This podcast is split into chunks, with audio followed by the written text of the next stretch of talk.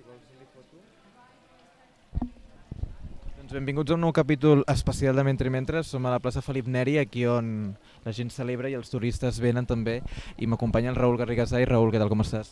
Bé, molt bé, molt content. Ben tornat, això que en diem Mentre Mentre tu, que ja no sé uh, quantes vegades has vingut, però no en són poques. Uh, a Felip Neri, justament aquest dijous, celebreu una part d'aquest festival clàssics, però que ja havíeu començat a, a Girona aquesta, aquestes confessions a Sant Agustí, justament com això, faltant pocs dies perquè aquest espectacle faci presència en aquesta església. M'agradaria tenir quatre detalls d'alguna manera de quina és la proposta i després si podem entrar més en Sant Agustí.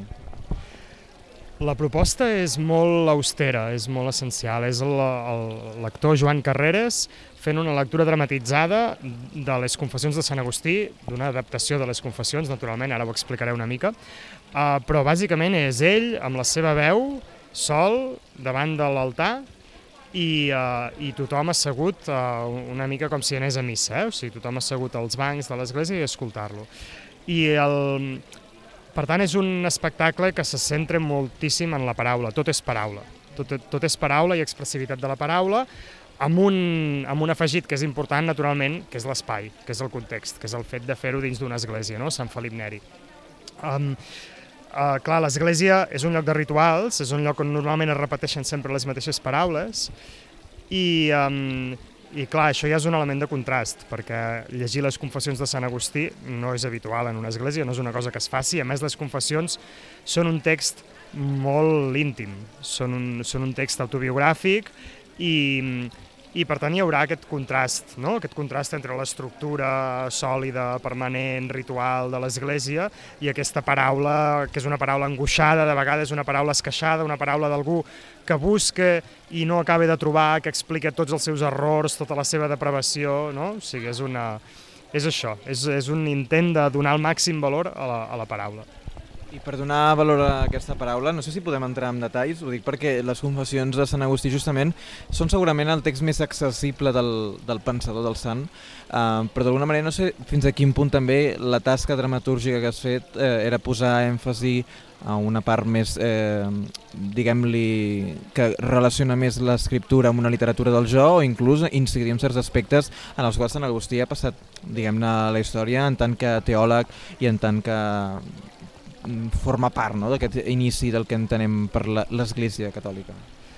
Sí, el, uh, clar, Sant Agustí o sigui, és, mm, és un, un d'aquells pocs autors que fan de frontissa entre dos mons d'alguna manera. No? Sant Agustí se l'anomena el pare de l'edat mitjana, és el final del, del món, diguem-ne, pagà, tot i que és una paraula una mica problemàtica, i és una persona que, que es mou entre intents de síntesi i intents de ruptura alhora. No? I, I, per tant, en el seu text es veu molt que està creant coses noves i que està buscant maneres noves de fer les coses. Um, les confessions, com deia, són un text on hi ha autobiografia, on hi ha literatura del jo i on hi ha molt pensament també, on hi ha filosofia i teologia i en uh, les confessions, el text original té mm, gairebé 400 pàgines i en aquestes 400 pàgines el pes de la filosofia i de la teologia és enorme. Potser, mm, no sé, dit a ull, potser serien dos terços de pàgines de reflexió profunda i la resta és la, la literatura del jo, tot i que naturalment està lligat, eh? no, no són coses que vagin separades.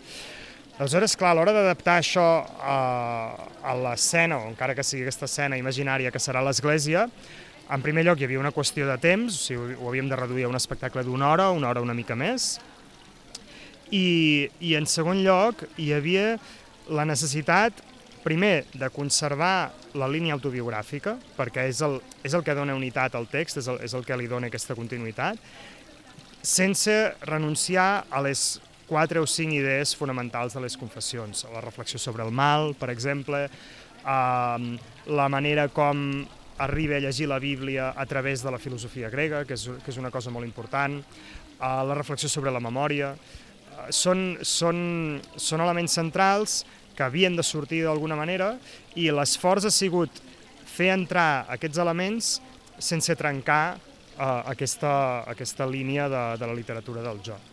Uh, clar, és un...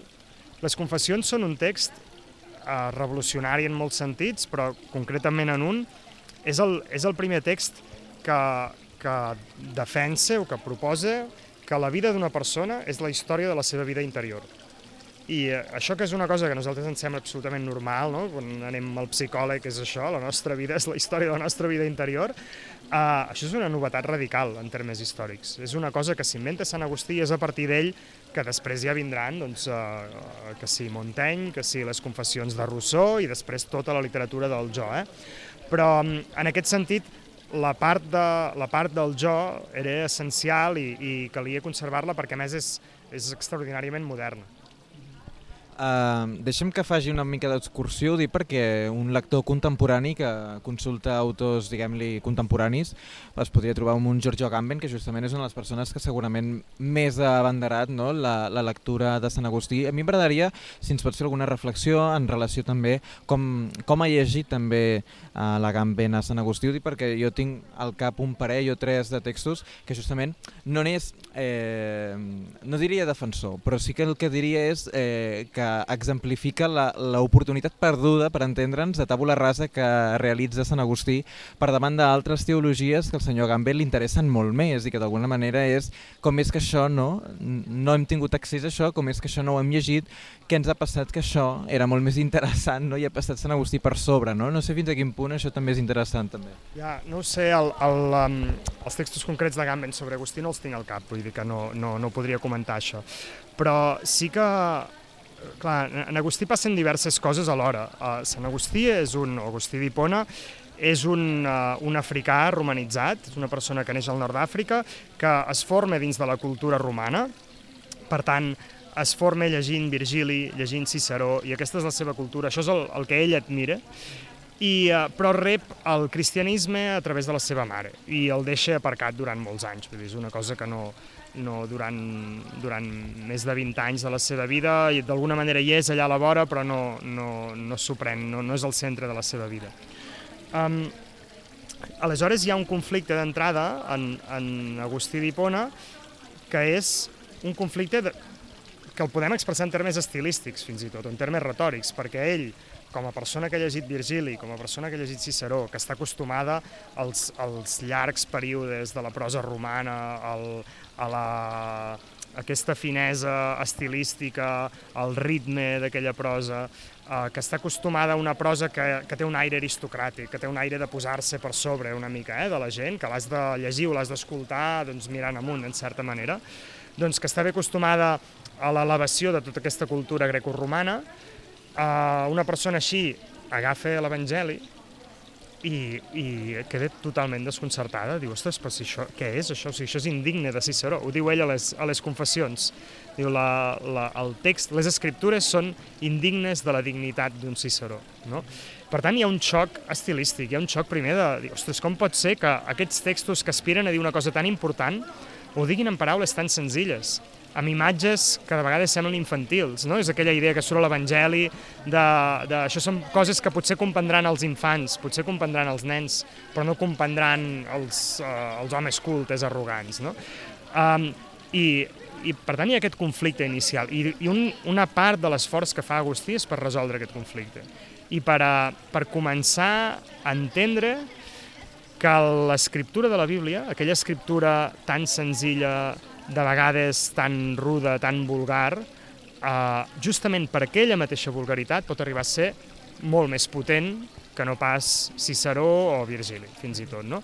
I el, aleshores el, el, hi, ha, hi ha aquest camí que és, és interessant perquè és un camí que lliga de fet amb el, amb, amb el nucli del cristianisme, amb la història central del cristianisme, que és la història de l'encarnació que és una història, des del punt de vista greco-romà, escandalosa, diguéssim, no? que un, un déu s'encarna no en un home aristocràtic, majestuós, sinó en un home que neix en un estable, que es passa la vida eh, fent-se amb prostitutes i amb leprosos i que acaba eh, penjat a la creu, que és com si diguéssim eh, condemnat a la cadira elèctrica. Vull dir, és, és allò la mort més infamant de totes. No?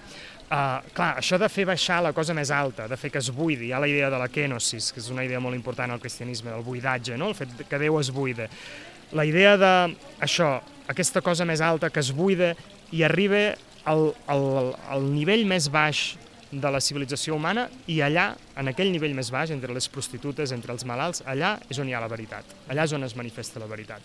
Clar, això des d'un punt de vista aristocràtic romà és, és inacceptable, és escandalós. I l'estil de la Bíblia, l'estil del Nou Testament, des del punt de vista d'Agustí, eh, encarna aquest mateix moviment. És la cosa d'agafar el llenguatge i fer-lo baixar a les paraules més incultes, per dir-ho així, més vulgars, més baixes, i dir que justament en aquestes paraules més baixes és on hi ha la veritat.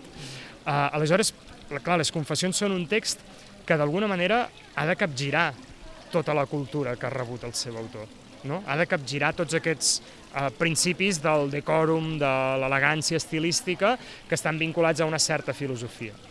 I, i l'operació que fa Agustí és d'una banda, veure de la filosofia grega traduïda al llatí, de la filosofia platònica, sobretot, i fer servir determinats esquemes de la filosofia platònica per trobar sentit en la Bíblia.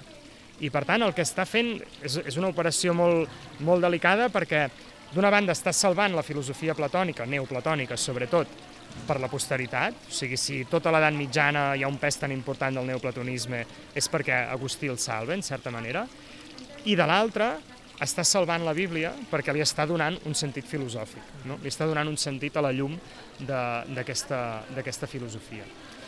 Um, això és una de, les, una de les operacions que fa.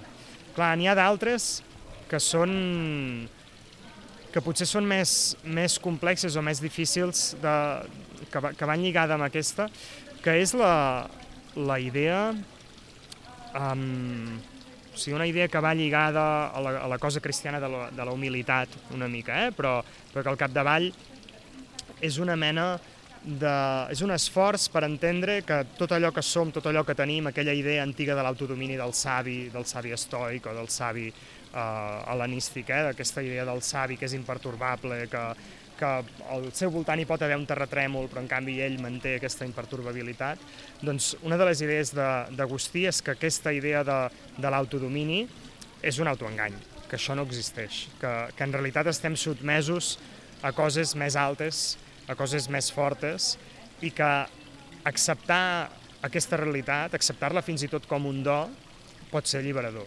No? I aquí és on, on entra tota la idea agustiniana de la gràcia, també. Hi ha un altre element que si, tu, si algú no, consulta, sobretot en fase d'estudiant, aquests manuals típics i tòpics de filosofia, um, la gran innovació que subratllen, sobretot la majoria d'ells, és la, la concepció que té de Déu també.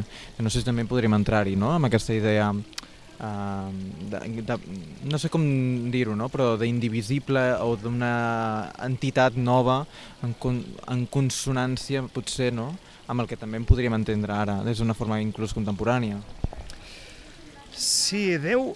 Um, justament com que Agustí uh, es troba entremig de tradicions diverses, jo crec que una de les gràcies de la seva manera de parlar de Déu és que hi arriba des d'aquestes diferents tradicions, hi arriba des de la Bíblia, i arriba des de la filosofia grega traduïda al llatí. I a la, tal com ell ho explica les confessions, que tampoc no ens les hem de prendre com un document autobiogràfic allò totalment fidedigne, perquè eh, Agustí, quan explica la seva conversió en altres textos, l'explica d'una altra manera, vull dir que hi ha una part de recreació literària molt important. Um, però el, el, a les confessions, tal com ho explica allà, el, el camí que segueix Agustí és un camí que passa que té un moment il·luminador molt important, que és la filosofia neoplatònica. I, i en aquest camí de la filosofia neoplatònica, eh, Agustí assumeix la vella eh, idea d'una jerarquia de l'ésser, per dir-ho així, no? que hi ha, eh, hi ha una, una realitat que nosaltres veiem, que és una, una realitat que ens entra a través dels sentits, que és una realitat corporal, i després hi ha diferents nivells que van pujant amb una presència major d'allò que no és corporal, però que d'alguna manera és, no? que pot ser forma, pot ser esperit, però que no, en tot cas no és palpable, no, no ens arriba a través dels sentits, fins a arribar al, al nivell més alt, que és això, la, la màxima incorporalitat. No? Uh, o sigui, d'una banda hi ha aquest esquema, hi ha aquest esquema que és un esquema neoplatònic, uh, que, que, ell, que ell el presenta justament a les confessions en termes de, de d'èxtasi contemplatiu, eh? fins i tot, de, de contemplar el món i poder ascendir a través d'aquesta escala de l'ésser, pujant i baixant. que és el que després trobarem en Ramon Llull, per exemple, o, vull dir que és, una, és un esquema que, que realment marca tota la civilització occidental. D'una banda hi ha això, però, però clar, alhora hi ha l'encarnació. I la filosofia neoplatònica i el misteri cristià de l'encarnació són coses que en principi no poden encaixar de cap manera. Són coses que es fan violència mútuament. O sigui, de fet, el... hi, ha una, hi ha una biografia de Plotí, la biografia de, de Porfiri, o sigui que Porfiri escriu sobre Plotí, el, el, el pare, un dels grans pares del neoplatonisme, en què Porfiri diu, com un elogi, eh? diu Plotí era una persona que li feia vergonya viure dins un cos, no? Ho diu així, o sigui, com un gran elogi. O sigui, era un filòsof tan lligat a les idees immaterials que li feia vergonya viure dins un cos. Aquesta és la tradició neoplatònica. Això és el que rep Agustí del neoplatonisme. Però alhora Agustí té uns evangelis que diuen que Déu es fa carn. I això és el moment central de la història de la humanitat. Clar, com lligues això? I tota aquesta tensió per mi és el que fa que sigui tan fort el text d'Agustí I, i també el que fa que hi hagi tantes angoixes eh, en, en Agustí, de, angoixes que, que el porten a reconèixer que, que no entén les coses de vegades, no? que no entén les coses. Doncs per anar ja concloent aquesta entrevista et volia demanar també per, per entendre així a, a grosso modo el que entenem també per la, la, tots els textos que formen part d'aquesta dimensió més um, de tot el que ens ha quedat de Sant Agustí, ho dic perquè també hi ha un text de gran influència sobretot en el barroc que és la ciutat de Déu justament però després hi ha totes les epístoles, hi ha tota una dimensió in, infinita de textos gairebé introduïts, indocumentats i que surten um, que d'alguna manera no, també hi ha una tensió d'anar-los endreçant i no sé en quina relació d'ells hi estan les confessions, si estan més en, en la relació d'una síntesi, en la relació d'un text que tenia una voluntat més duradera en comparació a les epístoles, no sé com això funciona també. És una bona pregunta. Tots tots els textos uh, seus... Mm, a veure, perdó, formulo d'una altra manera. Uh, Agustí té alguns textos que són específics, per dir-ho així, no? que tracten un tema específic. Hi ha, per exemple, el, el sobre la Trinitat, que és un, un text meravellós, uh, que, que, que és, el, és la formulació canònica, diguéssim, de, de, la, de, la, de la idea de la Trinitat. Hi ha textos que tracten temes uh, clàssics de la tradició filosòfica, el de la vida feliç, per exemple, o d'altres que tracten temes com el llenguatge, el del mestre, que és un diàleg molt, molt bonic, molt curiós, entre un, un, un personatge que es diu Agustí i un personatge que es diu Adeòdat, que era el fill d'Agustí, el fill bastard d'Agustí que es va morir quan tenia 16 anys, no? i és com un homenatge al fill, és una cosa molt bonica. Per tant, hi ha tots aquests que són específics, de temes específics. Um, però després hi ha les confessions, que són, uh, són una mena de, de, de síntesi o una mena de presentació general, uh, són un text, a veure com ho formulo, són un text en el qual les idees i l'existència encarnada es presenten juntes, es presenten juntes i es presenten a través del jo. I, i això és, això, en aquesta intensitat, és únic. O sigui, en els diàlegs també hi ha jo de vegades, eh? ja en els diàlegs de Ciceró hi havia el jo de Ciceró que es retira amb els seus amics, i podia haver aquestes coses, però en les confessions tot el text està estructurat a partir de l'evolució d'aquest jo. I, i això, això el converteix en un text molt especial, molt especial i, i a més el converteix en un text que eh, d'una manera estranya i, i particular acaba lligant amb el gran mite de la modernitat que és l'individualisme, que és l'individu. No? I això és una cosa que és curiós perquè aquesta mirada cap, a, cap al jo, cap a l'interior que fa Sant Agustí, de fet, no és una mirada individualista. O sigui, no és una mirada que porta a descobrir que el seu jo és una mena de cosa especial, saps? Això que tenim ara de, de, de l'autorealització, de descobrir el propi talent, aquesta mena de coses, això no hi és en Agustí de cap manera. El que hi ha en Agustí és la idea que si mirem cap endins ens acostarem a la transcendència. Ens, si, mirem, si mirem el nostre propi interior, ens acostarem a allò que compartim tots. I, eh, clar, en aquest sentit, ens sona molt familiar però alhora té una visió que és molt diferent de la de la de la de l'individualisme modern. Raül Garrissat, moltes gràcies avui per respondre'ns aquestes breu preguntes per parlar de Sant Agustí com a preàmbul d'aquesta celebració i celebrem que el Festival Clàssics, com sempre, no, vingui amb totes les um, propostes que ve i exaurides algunes d'elles que justament també tenen com a protagonista la, la plaça on som avui. Per tant, res, moltíssimes gràcies i que segueixin anant molt bé aquest Festival Clàssics d'aquesta edició. Moltíssimes gràcies, Bernat.